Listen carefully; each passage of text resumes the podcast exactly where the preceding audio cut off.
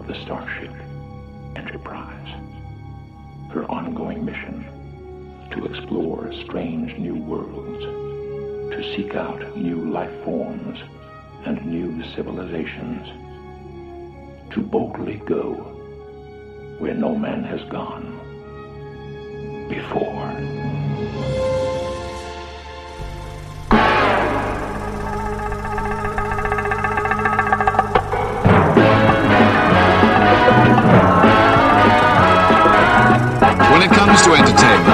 You can't beat a good film.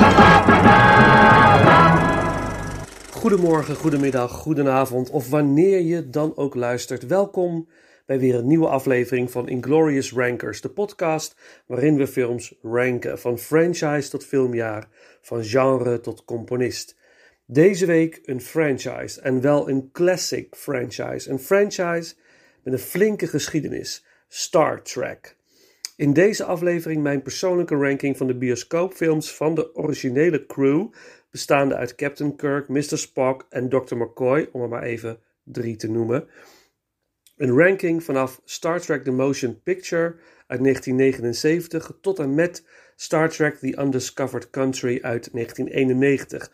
Natuurlijk zijn er nog veel meer Star Trek films daarop volgend gemaakt, maar dat worden er te veel voor één ranking. Ik ga het in etappes doen en zal dan uiteindelijk komen tot een definitieve Star Trek ranking.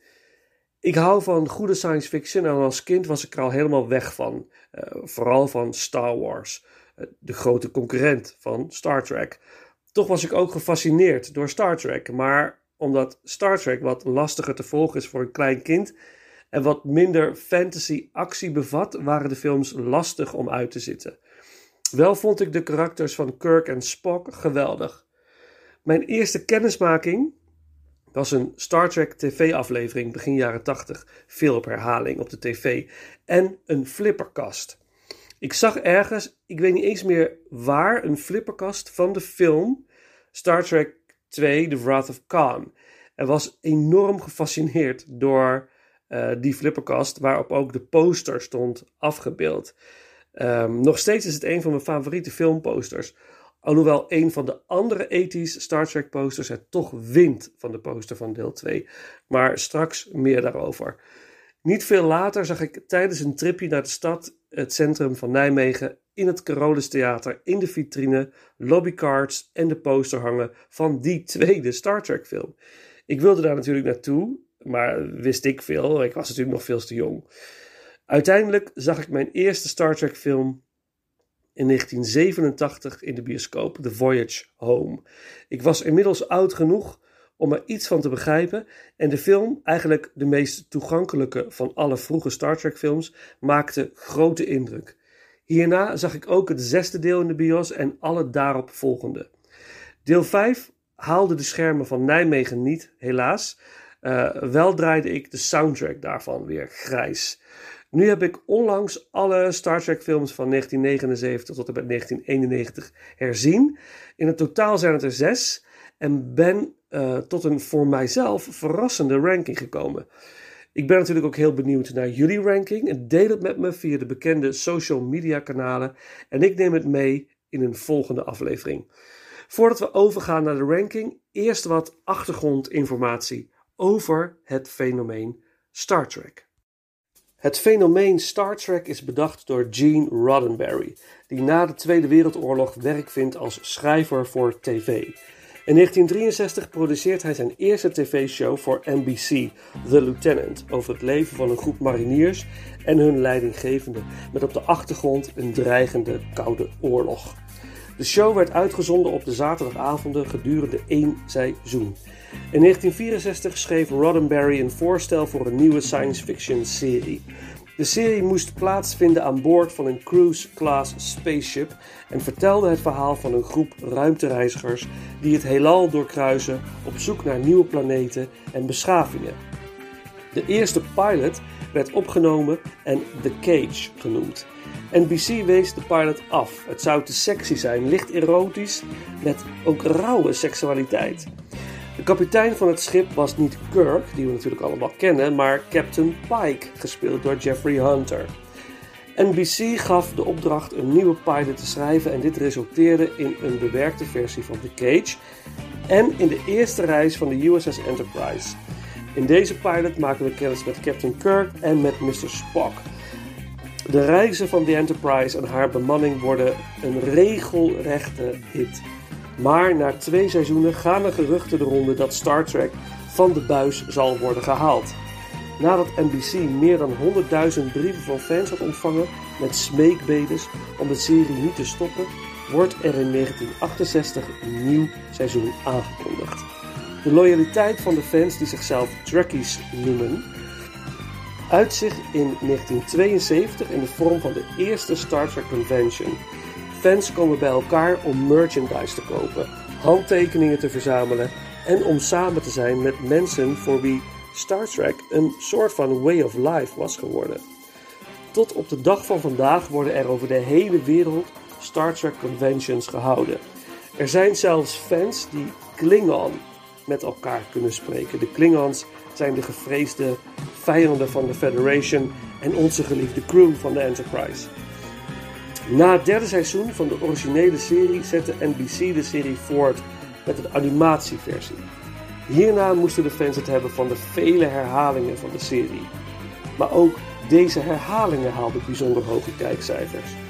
In 1977 waren er plannen voor een vervolgversie met een nieuwe crew, Star Trek Phase 2. Het zou de duurste tv-serie ooit moeten worden, met een kostenplaatje van 3,2 miljoen dollar. Het mocht niet zo zijn. Door vele meningsverschillen, creatieve en financiële belangen ging Phase 2 niet door.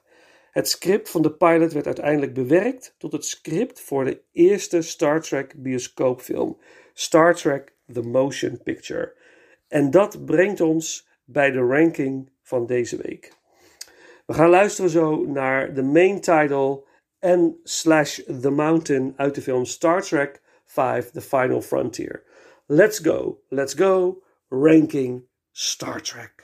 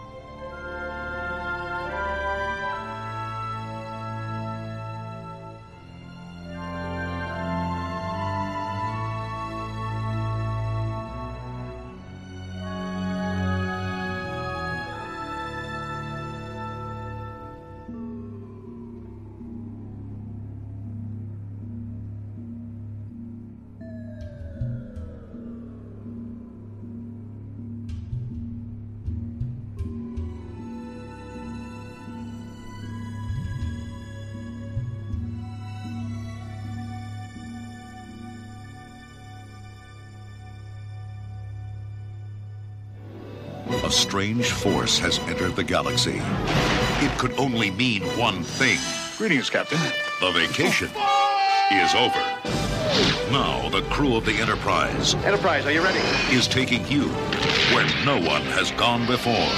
You know we'll never make it through the Great Barrier.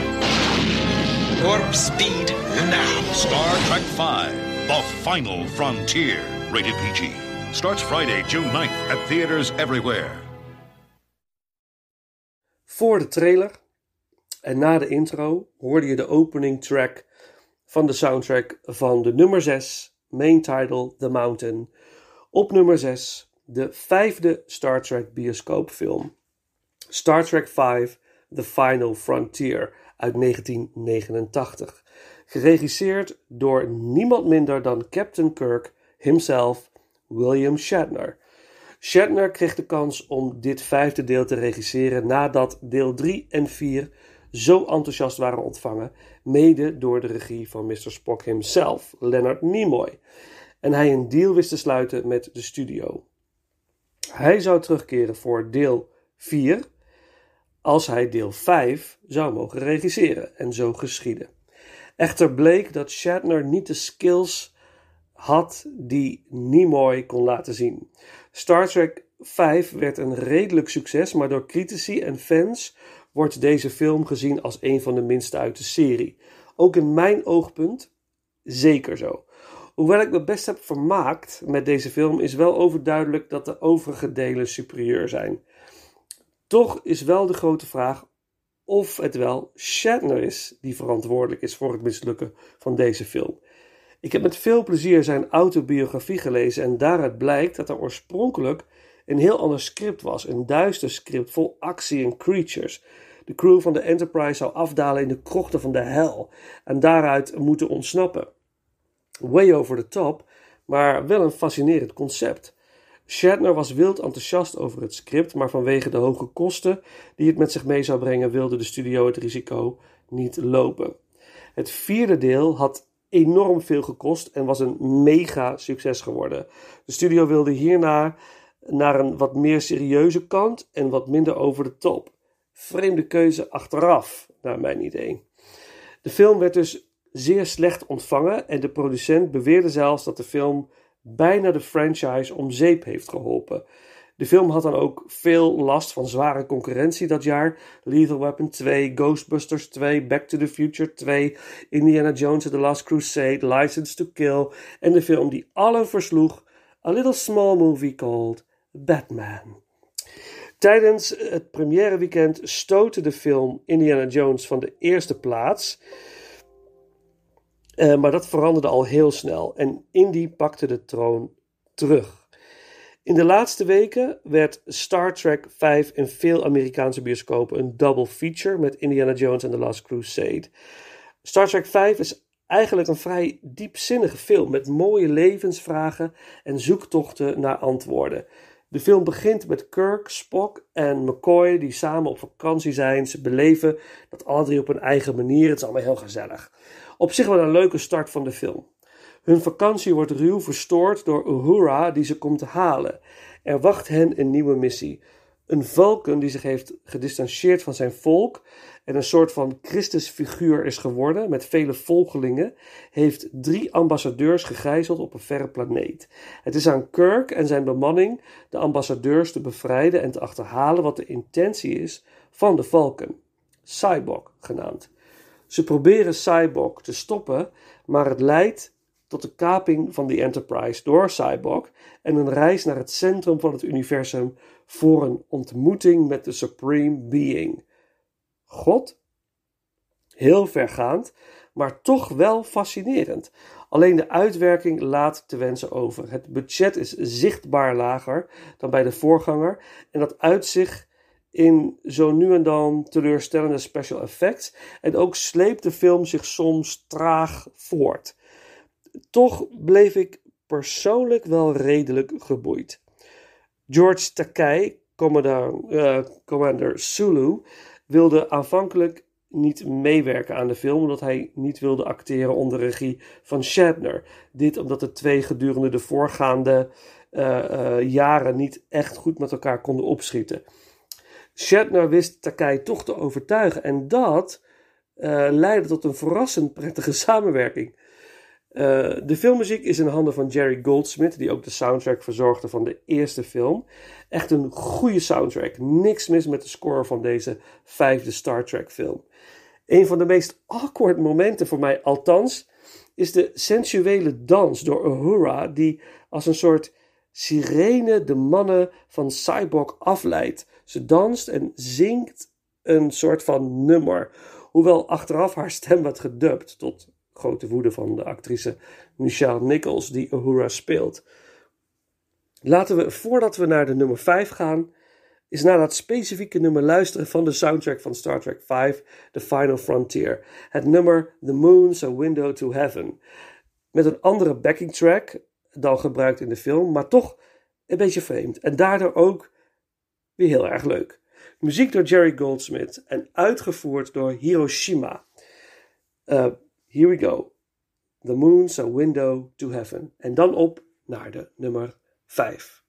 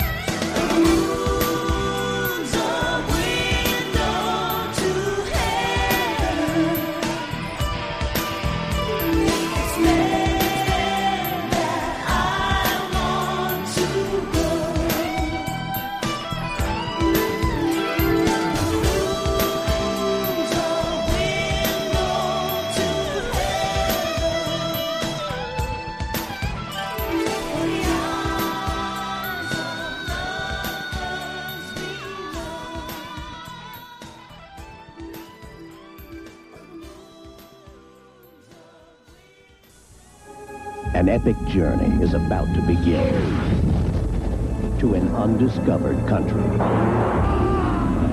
On the verge of peace, on the brink of war.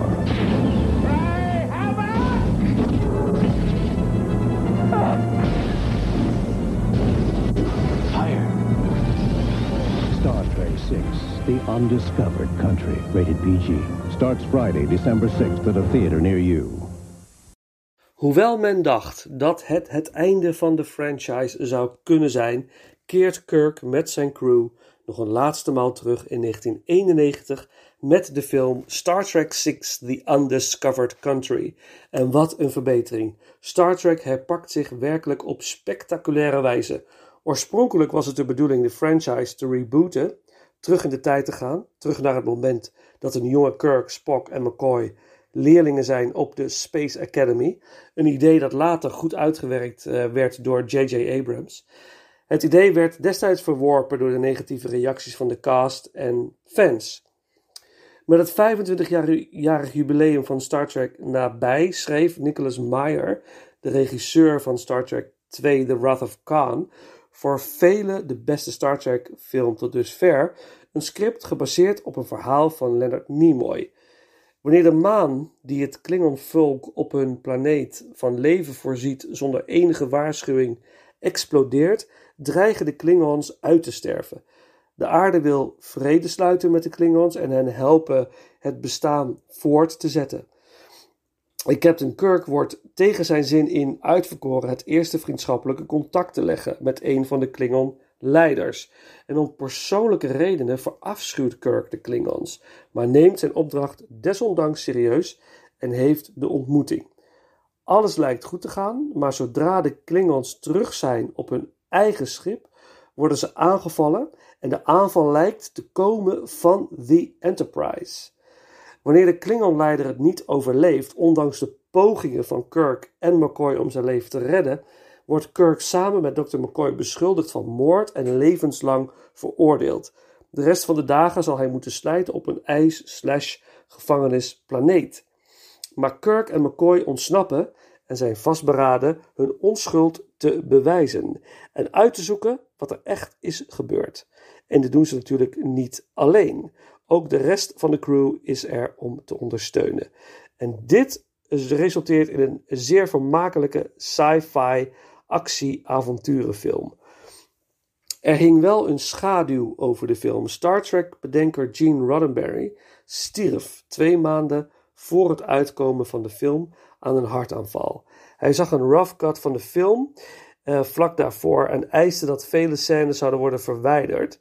En hierdoor ontstond er een fikse ruzie tussen regisseur Meyer en Roddenberry. En Roddenberry stierf 48 uur later. Meyer had natuurlijk enorm spijt van het gebeuren, maar ja, hij wist niet hoe uh, ziek Roddenberry was op dat moment. Star Trek 6 werd uiteraard opgedragen aan Roddenberry. De special effects in deel 6 zijn aanzienlijk beter dan in deel 5, mede door de medewerking van Industrial Light and Magic. Ook heeft de film een meer duistere toon en dat wordt mede veroorzaakt door het sterke camerawerk en de knappe belichting.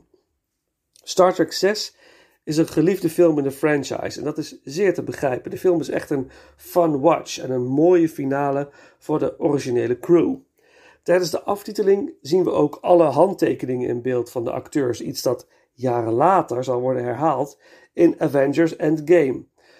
Grote verrassing en mooie aanwinst voor de film is Christopher Plummer. Hij speelt een van de Klingons die de aanslag overleeft en wraak zweert op Kirk. Plummer met zijn enorme staat van dienst geeft een geweldige Shakespeareaanse performance. De soundtrack is in handen van Cliff Eidelman. Meyer was gecharmeerd van eerder werk van de componist, omdat het volgens hem veel weg had van het werk van Bernard Herrmann. Eidelman gebruikte natuurlijk ook het alombekende Star Trek thema, maar vulde het aan met een hele eigen, frisse score. Je kunt je afvragen of het de franchise goed doet. Eh, Jerry Goldsmith bedacht voor de eerste film een heel sterk thema, eh, maar uh, toch heeft Goldsmith verder alleen de muziek voor deel 5 gecomponeerd. Later ook wel voor de Next Generation films een aantal. Maar zou het beter zijn geweest als Goldsmith alle trackfilms van muziek had voorzien? Ik weet het niet. Voor de continuïteit misschien, maar hadden we niet de rest van de geweldige soundtracks gehad in de variatie zoals we ze nu kennen. Nu een track van Cliff Idleman uit Star Trek 6 The Undiscovered Country. Mijn nummer 5. Hier is die. Uh, main title.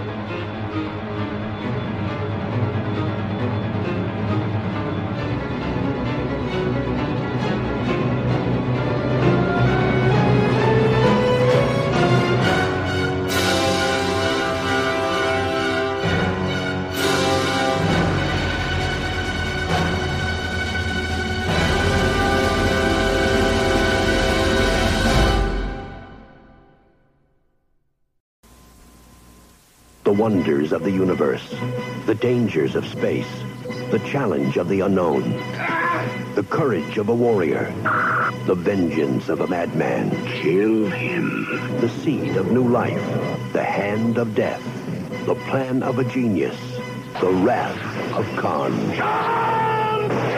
Star Trek II, The Wrath of Khan, rated PG. Now showing at a theater near you. Nu bevind ik me op glad ijs. Ik weet het. Voor veel trackfans is The Wrath of Khan de beste film uit de franchise. Het brengt het gevoel van de oude tv-serie op het witte doek. Heeft goed uitgewerkte karakters, een geweldige opbouw, een fenomenale bad guy en een prachtige score door James Horner. Voor mij was deel 2 ook altijd de beste. Maar het was al een hele poos geleden dat ik de Star Trek films zag. En ik ben ook niet echt een Trekkie. Ik ben geen groot fan van Star Trek. Ik vind het leuke films. Maar ben toch meer iemand voor Star Wars. Maar toch, ik heb echt genoten van het herzien van deze eerste zes films.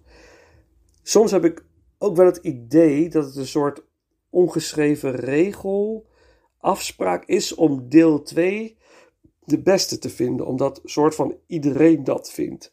Maar na het herzien van de films is mijn top 3 veranderd. En Star Trek 2 heeft deze top 3 niet gehaald. Sorry, trackfans die zweren bij Star Trek 2. Maar een ranking blijft iets persoonlijks en de mening van een film altijd, uh, mening over een film altijd subjectief. Ik vind Star Trek 2 echt een goede film hoor, echt serieus, maar de komende drie winnen het van deze tweede Star Trek film, voor mij persoonlijk. Uh, de film wordt uitgebracht in 1982 en na het minder goed ontvangen eerste deel, de motion picture, die met een enorm budget werd gemaakt, werd er uh, werd er voor de tweede film een stuk minder geld uit de laag getrokken. Hierdoor lag de focus meer op de karakters en waren de special effects meer bijzaken en ondersteunend aan het verhaal van twee mannen die een oude veten uitvechten in het heelal. Dit bleek een gouden greep. Met een budget van 11 miljoen dollar haalde de film 97 miljoen dollar op wereldwijd. En na het uitkomen van de eerste Star Trek film schreef uh, Roddenberry, Gene Roddenberry, een sequel. Een idee voor een sequel. Met als hoofdthema tijdreizen. Maar de studio wees dat idee af. De studio zag de bemoeienissen van Roddenberry bij de eerste film als een mogelijke oorzaak voor het mislukken daarvan. Hij kreeg daarom een veel kleinere rol binnen de productie van Star Trek 2. Wat moet dat een vervelend en naar gevoel hebben achtergelaten bij Roddenberry, want zonder hem was er überhaupt geen Star Trek. Harv Bennett nam de productie over.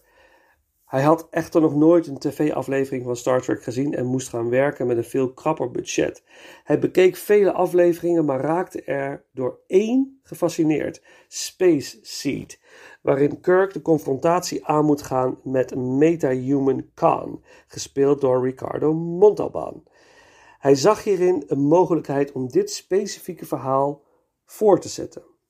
In, de Star Trek, in Star Trek 2 zou Khan wraak proberen te nemen op Kirk, aangezien hij ervoor zorgde aan het einde van de aflevering Space Seed dat Khan werd verbannen naar de planeet Alpha 5. In Star Trek 2 weet Khan te ontsnappen nadat een verkenningsschip met aan boord Mr. Chekhov per abuis planeet Alpha 5 zien als een planeet zonder leven. Ze zoeken dergelijke planeten voor het project Genesis, een systeem dat razendsnel leven creëert daar waar geen leven is. Op Alpha 5 worden ze onaangenaam verrast door Khan en zijn gang, die zijn kans schoon zien te ontsnappen en kapen het betreffende schip. Dit leidt uh, uh, tot Kirk, die met de Enterprise te hulp schiet en opnieuw wordt geconfronteerd met Khan. Het is tijd om de oude veten uit te vechten. Een spectaculair ruimtegevecht tot gevolg en daarnaast de ontwikkeling van het Genesis-project. Dat wordt geleid door een oude liefde van Kirk, een vrouw die ook jaren geleden een zoon heeft gebaard van Captain Kirk. Vader en zoon ontmoeten elkaar voor het eerst.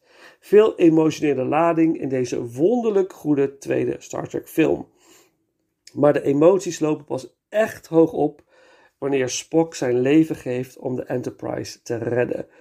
De dood van Spock maakte veel los bij de fans. Men kreeg er al lucht van voordat de film werd uitgebracht. Leonard Nimoy wilde eigenlijk met deze film afscheid nemen van de karakters van Spock, maar had zoveel plezier op de set en na protest van de fans besloten ze om de kist met de dode Spock naar de planeet Genesis te sturen. De planeet die leven creëert. Maar dat gaf toch nog een beetje hoop. Regisseur Nicholas Meyer kende ook weinig van Star Trek en dat bleek een gouden greep. Het geeft de film een unieke feel, eh, een hommage aan de tv-serie en een eigen karakter. Een duistere film vol actie, karakterontwikkeling emotie en sterke special effects. Voor velen is dit een science fiction meesterwerk. Zover wil ik niet gaan, omdat het zeker niet mijn nummer 1 is. De soundtrack is wel erg goed. Muziek door James Horner, een filmcomponist voor de kenners wel bekend. Uh, dit was zijn eerste grote film en hij levert superieur werk af. Echt geweldig. Iets dat uh, uh, dat hij nog eens herhaalt voor Star Trek 3, The Search for Spock. Voor de echte kenner, sommige thema's die Horner gebruikt in deze film, hoor je later terug uh, in zijn muziek voor Aliens en Krull. Nu kan het niet anders natuurlijk dan dat we naar een track gaan luisteren van die soundtrack. De opening credits van Star Trek II The Wrath of Khan. Muziek door James Horner.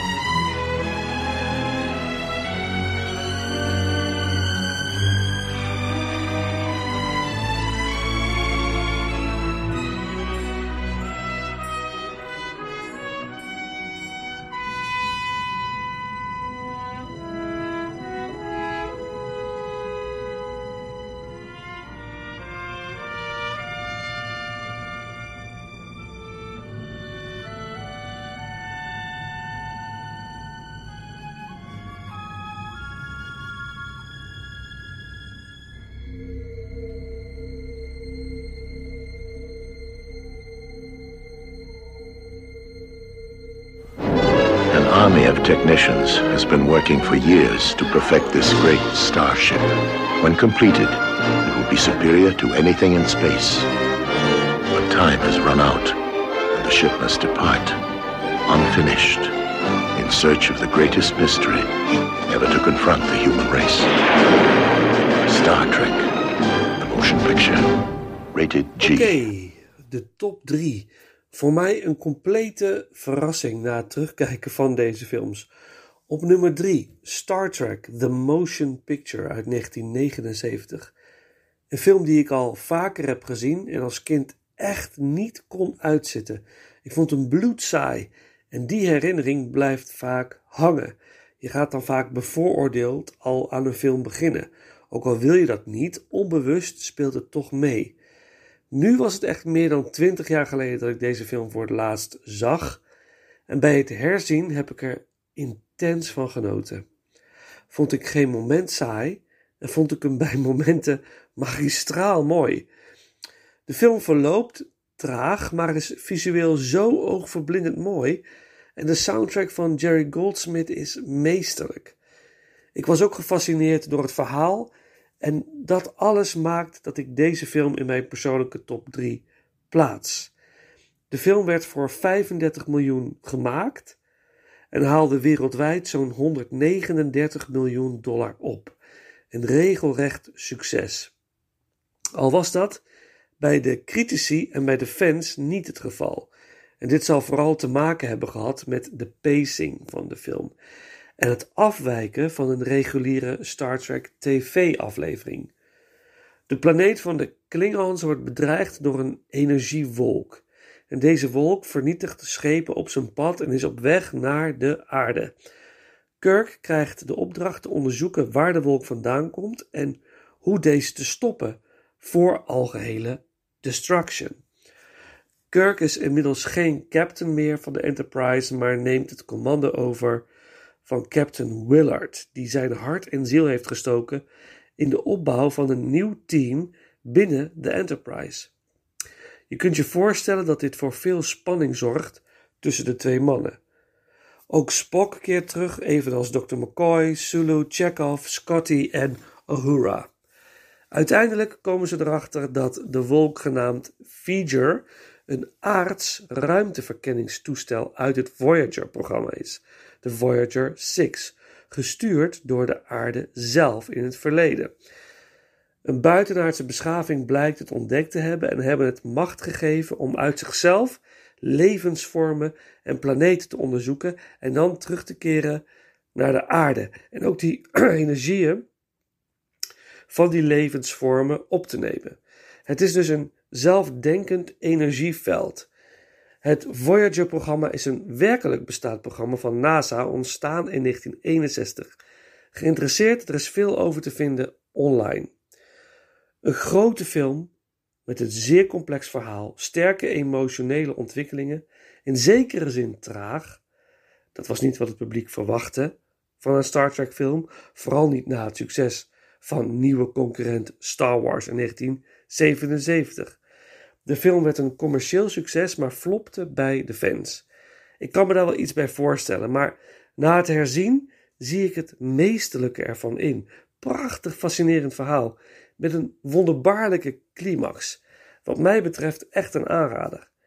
Slechts twee dagen voor de première van de film in december 1979 was de film pas echt af.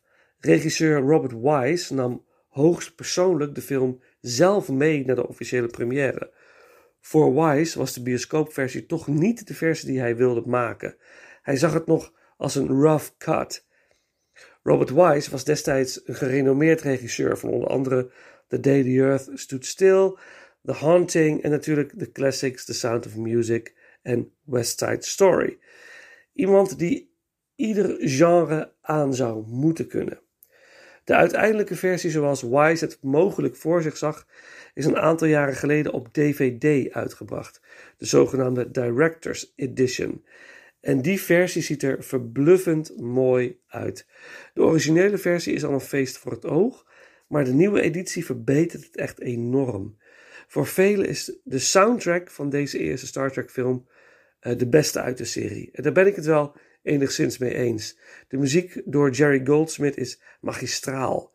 Goldsmith bedacht het nu ook iconische Star Trek thema, wat ook wordt gebruikt in de tv-serie Star Trek The Next Generation en nog een aantal uh, bioscoopfilms.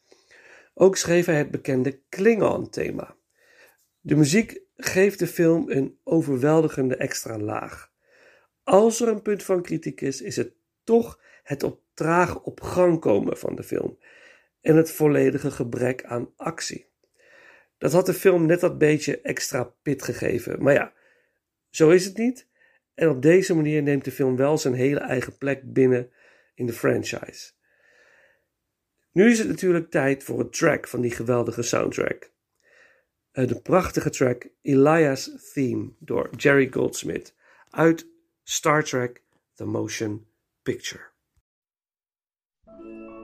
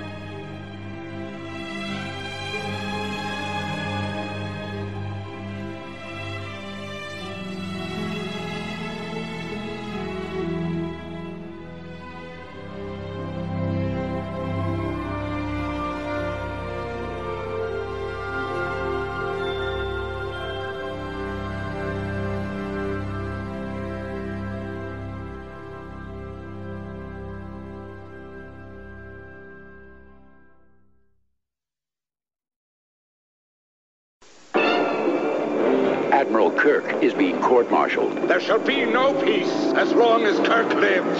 Spock has lost his memory. It's me, McCoy. You really have gone where no man's gone before. They're going back in time to explore the strangest world of all. Many of their customs will doubtless take us by surprise. You guys like Italian? No. Yes, yes, no. no. Yes. Star Trek IV, The Voyage Home, rated PG. Now playing. Op nummer 2, Star Trek 4, The Voyage Home. De eerste Star Trek film die ik in de bioscoop zag en die grote indruk maakte. Ik weet gewoon nog dat ik op een zaterdagavond het kaartje kocht met mijn vader en zo trots en blij was dat we samen gingen in die prachtige zaal van het helaas verdwenen Centrum Theater in Nijmegen, beleefde ik een avond om nooit te vergeten. Deze film heeft een grote nostalgische waarde, maar het is ook echt een van de beste Star Trek films tot nu toe. Ook een van de meest toegankelijke. Ook al ben je geen Star Trek kenner, je kunt toch genieten van deze unieke film binnen de franchise. Door het succes van deel 2 en 3 kregen producent en regisseur de creatieve vrijheid voor het vierde deel. En het bewijst maar weer eens dat wanneer je creatieve vrijheid uh, toestaat, er pareltjes kunnen ontstaan. Dat is nu bijvoorbeeld ook het geval met de horrorfilm The Empty Man. Denkende dat het toch niks zou gaan opleveren en met de overname van Disney in het vooruitzicht gaf 20th Century Fox de creatieve vrijheid aan de betreffende regisseur met als resultaat een horrorfilm zoals we er in geen jaren een hebben gezien. Interesse gaan opsporen en zien The Empty Man. Terug naar Star Trek 4. Harv Bennett en Nimoy wilden iets compleet anders doen. Geen herhaling van wat al was gedaan. Eerst kwam het idee wederom naar boven om een prequel te maken. Dit was ook een beetje noodgedwongen, omdat vanwege financiële conflicten William Shatner niet terug zou keren als Kirk. Uiteindelijk werd dit opgelost en veranderde het concept naar een tijdreisverhaal. De crew moest terug in de tijd, naar het heden, althans het heden in de vorm van het destijds heden, 1986, om twee bultrige walvissen te stelen en mee te nemen naar hun eigen tijd om zo de vernietiging van de aarde te voorkomen. Een sonde, een probe, hangt boven de aarde en zendt signalen uit in de toekomst. Deze signalen kunnen niet worden vertaald of beantwoord. Omdat de sonde geen antwoord krijgt, vernietigt het systematisch de aarde. Uiteindelijk komen Kirk en zijn crew erachter dat het gaat om walvisgeluiden. Walvissen zijn echter uitgestorven in de toekomst, waardoor er dus twee uit het verleden moeten worden gehaald om de aarde te kunnen redden. Dit zorgt voor veel spanning en ook voor veel humor. Deze film weet de perfecte balans te vinden tussen die twee. Leonard Nimoy regisseerde, Harv Bennett produceerde en Nicholas Meyer, regisseur van het grote succes The Wrath of Khan, werkte mee aan het script. De samenwerking van deze drie mannen zorgde voor het spektakel dat The Voyage Home tot op de dag van vandaag is. James Horner was niet in de gelegenheid om na deel 2 en 3 ook deel 4 van muziek te voorzien en Leonard Rosenman werd benaderd. En hij componeerde een unieke, fijne score, eigenlijk perfect passend bij deze vreemde eend in de bijt. Rosenman componeerde eerder de muziek voor Fantastic Voyage en de animatiefilm van Lord of the Rings. Rosenman wilde het liefst delen van de score van de oude tv-serie nieuw leven inblazen, maar Nimoy wilde iets nieuws en unieks. De special effects zijn wederom verbluffend en het ontbreken van een bad guy doet de film eigenlijk alleen maar goed. Wat echt waanzinnig is, is dat 90% van de scènes waarin je de walvissen ziet, eh, zijn het animatronics of poppen. En je ziet het echt niet. Ze lijken levensecht. Echt een memorabel stukje special effects filmgeschiedenis. Star Trek The Voyage Home is de vreemde eend in de bijt. En voor veel echte Trek-fans mogelijk niet een favoriet. Maar voor mij persoonlijk absoluut wel. De film is ook een van de meest succesvolle films binnen de franchise. Een budget van 25 miljoen en een opbrengst van maar liefst 133 miljoen. Een heerlijke film die ik hopelijk nog veel vaker kan zien. Nu is het tijd voor de nummer 1. Er is natuurlijk maar één over. Maar voordat ik deze ga bespreken, eerst de openingstrack van Star Trek 4 The Voyage Home. Muziek door Leonard Rosenman. All that they've loved, all that they've stood for, will now be put to the test. The word, sir, the word is no. I am therefore going anyway. Join us on this, the final voyage of the Starship Enterprise. Star Trek 3 The Search for Spock. Rated PG. Starts today at a theater near you. Op nummer 1, voor mij echt compleet onverwacht. Ik had gedacht dat of deel 4 of deel 2 de eerste plaats zou krijgen. Maar het is geworden Star Trek 3 The Search for Spock. Ik heb zo enorm genoten van deze film.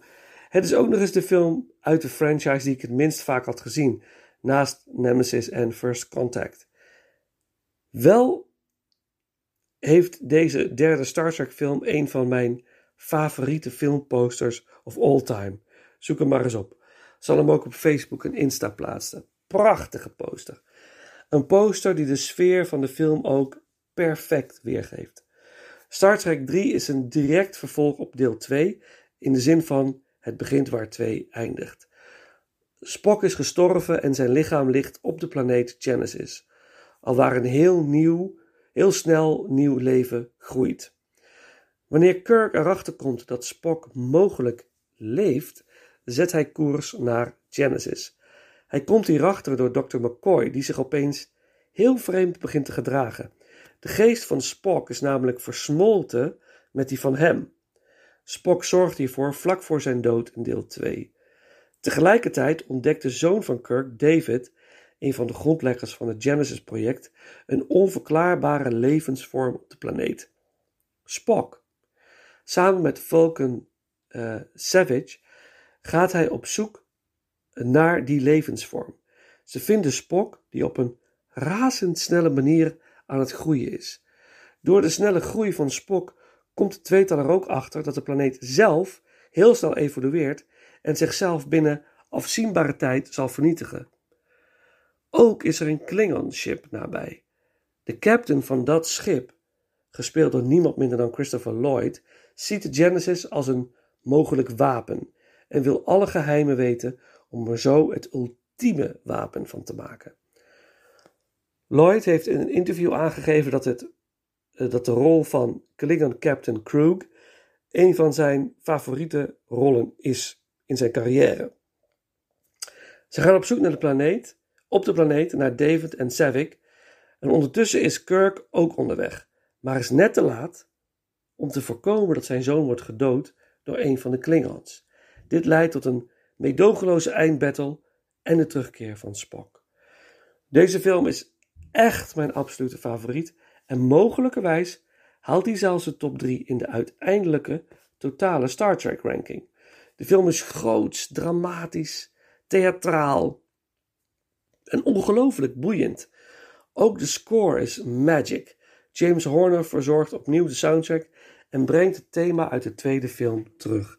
Toch moet ik bekennen dat de soundtrack voor deze film minder is dan die van de tweede film. Horner doet veel op herhaling en de muziek heeft niet de impact in de, zoals in de Wrath of Khan. Maar er zitten wel een aantal hele goede passages tussen, waarvan ik er straks één zal draaien natuurlijk. Ondanks het niet al te hoge budget zijn de special effects echt heel erg goed. Toch wordt Star Trek 3 door veel fans gezien als een van de minste films uit de serie om uiteenlopende redenen. Ik kan het niet begrijpen. Voor mij is The Search of Spock een genot om naar te kijken. De film kostte 17 miljoen dollar en bracht wereldwijd 87 miljoen op. Een zeker succes. Star Trek 3 The Search for Spock is het regiedebuut van Leonard Nimoy, wat weer resulteerde in zijn regie voor deel 4, maar ook voor het kastsucces Three Men and a Baby. Uh, Star Trek uh, creator Gene Roddenberry werd niet op de set toegelaten, gezien de eerste eerdere logische bemoeienissen van de goede man. Het blijft een beetje zuur. Maar ook de grote vraag of bemoeienis van Roddenberry de film echt beter zou hebben gemaakt. Ik denk het niet. Ik vind hem goed zoals hij is. Mijn favoriet in deze ranking: Star Trek 3: The Search for Spock. Nu een track van de soundtrack van Star Trek 3. Muziek door James Horner. Een lange track. Klingons.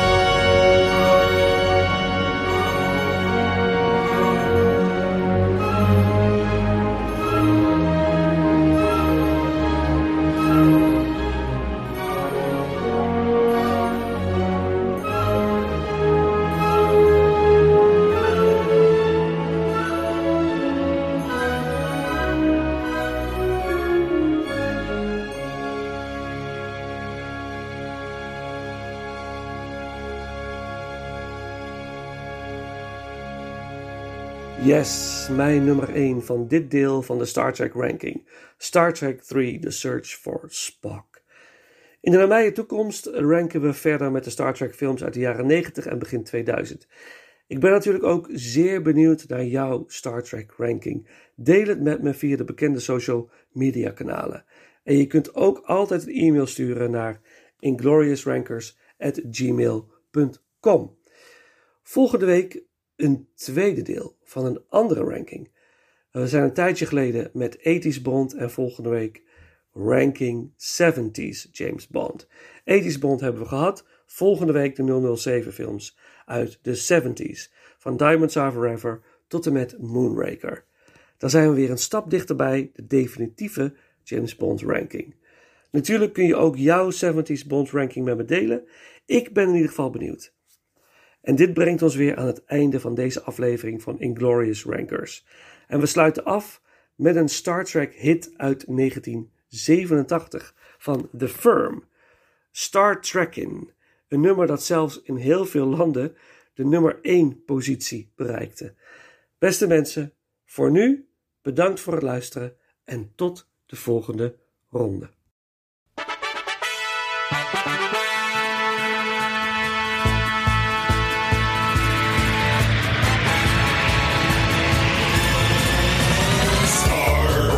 Across the universe. On the Starship Enterprise under Captain Kirk. Star trekking across the universe.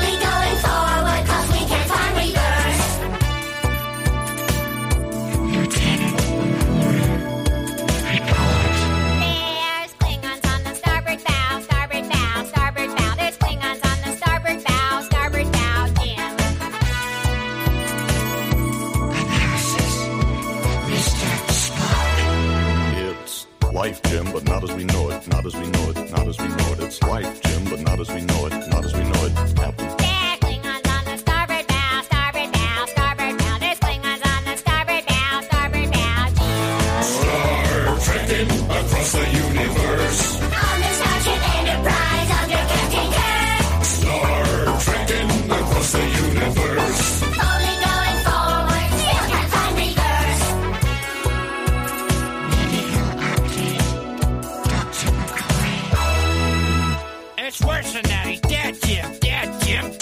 It's worse than that. He's dead, Jim. Dead, Jim. Dead. It's life, Jim, but not as we know it, not as we know it, not as we know it. It's life, Jim, but not as we know it, not as we know it.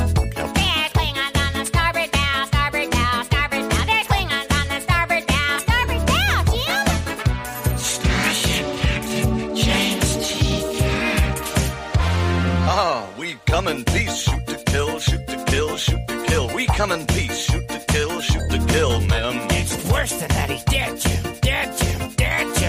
Jim. It's that. He's dead, Jim. Dead, Jim. Dead. Well, it's life, Jim, but not as we know it, not as we know it, not as we know it. It's life, Jim, but not as we know it, not as we know it. Captain. There's Klingons on the starboard bow, starboard bow, starboard bow. There's Klingons on the starboard bow. Scrape 'em off, Jim. Star trekking across the universe. On the Starship Enterprise under Captain Kirk. Star trekking across the universe.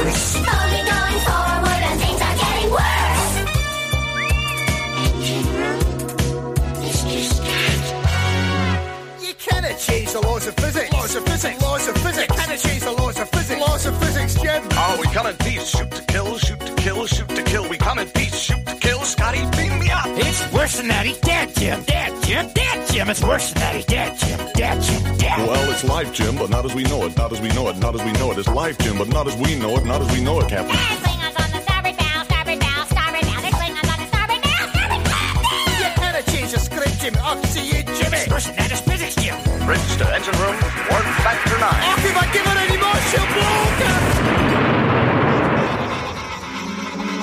stars.